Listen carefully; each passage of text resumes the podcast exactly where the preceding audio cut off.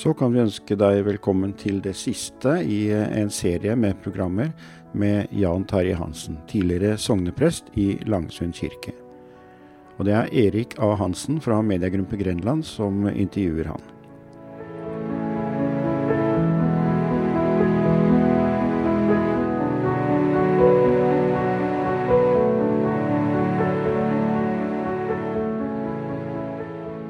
Forrige gang hørte vi at Jan Terje Hansen eh, var i USA og opplevde store ting, bl.a. å bli helbredet eh, under et møte med 3000 mennesker. Og eh, forkynneren John Wimber var på scenen. Ja, John Wimber, ja. Det var et stort navn den gangen i USA. Og det som var så spennende med han, det var at han opplevde mye tegn under, men var veldig rolig. Eh, og det appellerer til meg.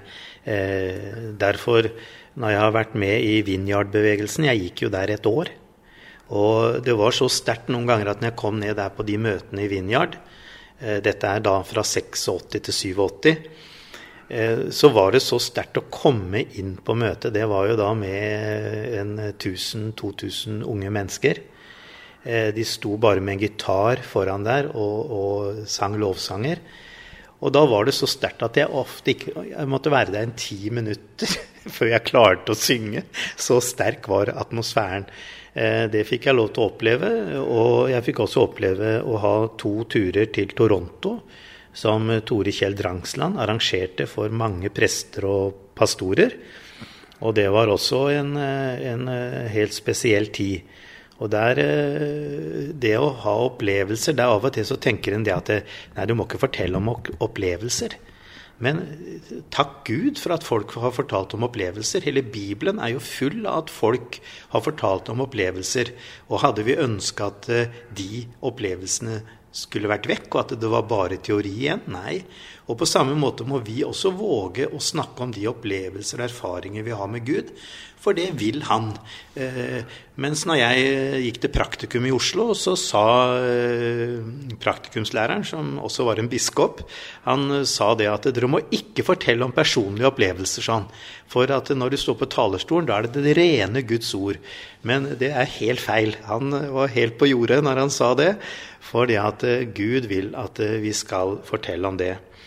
Og jeg må bare fortelle om én ting. Når jeg var i Toronto og var med 50 pastorer der, så skjedde det veldig sterke ting på møtene der. Og jeg hadde én sånn helt spesiell opplevelse der som betydde veldig mye for meg. Og det var at jeg gikk frem til forbønn, og så var det noen som kom og ba for meg. Og så fikk jeg det du kan kalle for, det er vel den eneste gangen jeg tror i mitt liv, en bortrykkelse. Og den bortrykkelsen den var sånn at, at Gud tok meg i handa og gikk gjennom hele livet mitt fra jeg var liten. Og det var så rart. Og jeg så meg sjøl da som liten gutt, jeg så meg sjøl som ungdom, og jeg så Gud gikk sammen med meg. Og så var det ting som jeg ikke forsto altså som hadde skjedd i mitt liv, som jeg ikke forsto. Og så forklarte Gud for meg hvorfor det var sånn. Og hvor lenge jeg lå der og var i, i bortskikkelse, det vet jeg ikke. Eh, det kan hende det var fem minutter, det kan være det var 20 minutter. Jeg aner, aner ikke. Men det jeg vet, det var iallfall at eh, når jeg våkna opp igjen og kom til meg sjøl, så var jeg helbreda fra alle sår og vanskeligheter i livet mitt. Det var en underlig opplevelse. Men Gud eh, gikk sammen med meg, og han sa han hadde vært der hele tiden. Og det skal du vite at eh, Det er ikke sikkert du får en sånn opplevelse, men du skal vite at Gud har vært der for deg hele livet, selv om du har vært igjennom vanskelige og tøffe ting. Jeg hadde ikke vært igjennom noe sånn spesielt vanskelige ting, for all del, men alle har vi ting som er vanskelig. Eh, og, og, Gud er med oss og går sammen med oss. Så, så det fikk bety veldig mye for meg, den opplevelsen i Toronto. Og så har jeg jo da de siste åra fått vært tre ganger i Battle Church i eh, California, Redding. Eh, en menighet som er utrolig spennende. Den er jo Det var en liten pinsemenighet. Og nå tror jeg 38% av hele befolkningen er med i den kirken. En enorm eh, betydning for byen Reading. Og, og de har det De er helt rolig, selv om de er en pinsemenighet.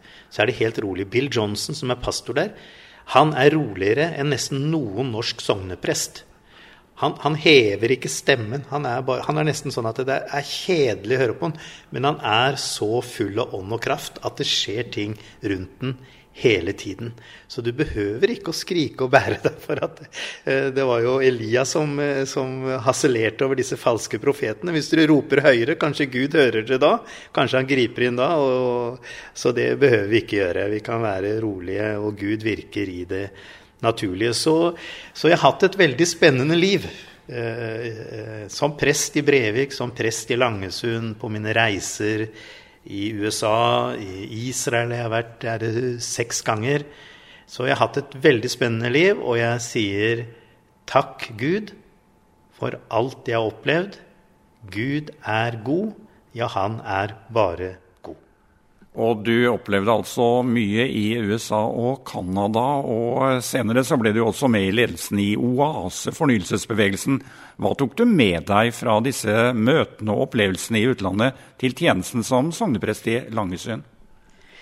Nei, det var jo Hvis du skal være en statskirkeprest, så, så må du jo være rolig. Altså Det nytter ikke å være sogneprest og, og og, og, på en måte rope og skrike det, da kan du glemme det. Men det behøvde jeg ikke. Og det jeg har lært både av John Wimber og i Toronto og i Reading, det er jo at du kan få lov til å være helt rolig.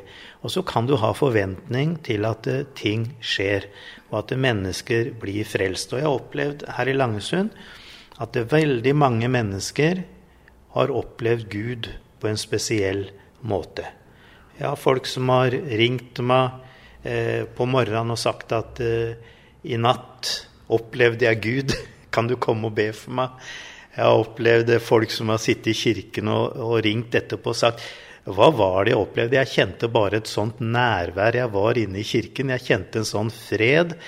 Eh, vi har opplevd eh, mange ting. Vi opplevde jo det med Rita Edvardsen her for noen år siden, med hun som som var på vei inn i døden, og som møtte både sin mor og, og englesang, og Gud sendte henne tilbake igjen.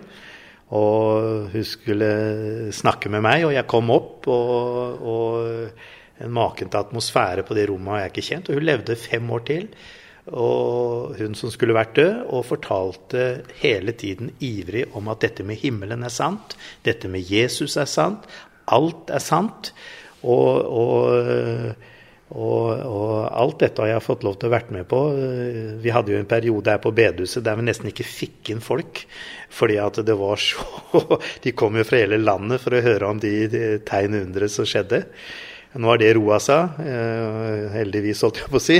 Men det var ikke helt riktig, da. Men vi håper at det kommer nye bølger. Eh, og så er vi spent på at det skal bli vekkelse i Norge. Det håper vi på. Men det er det bare Gud som kan sette i gang. Da sier vi tusen takk til Jan Terje Hansen, som har vært med oss i denne serien.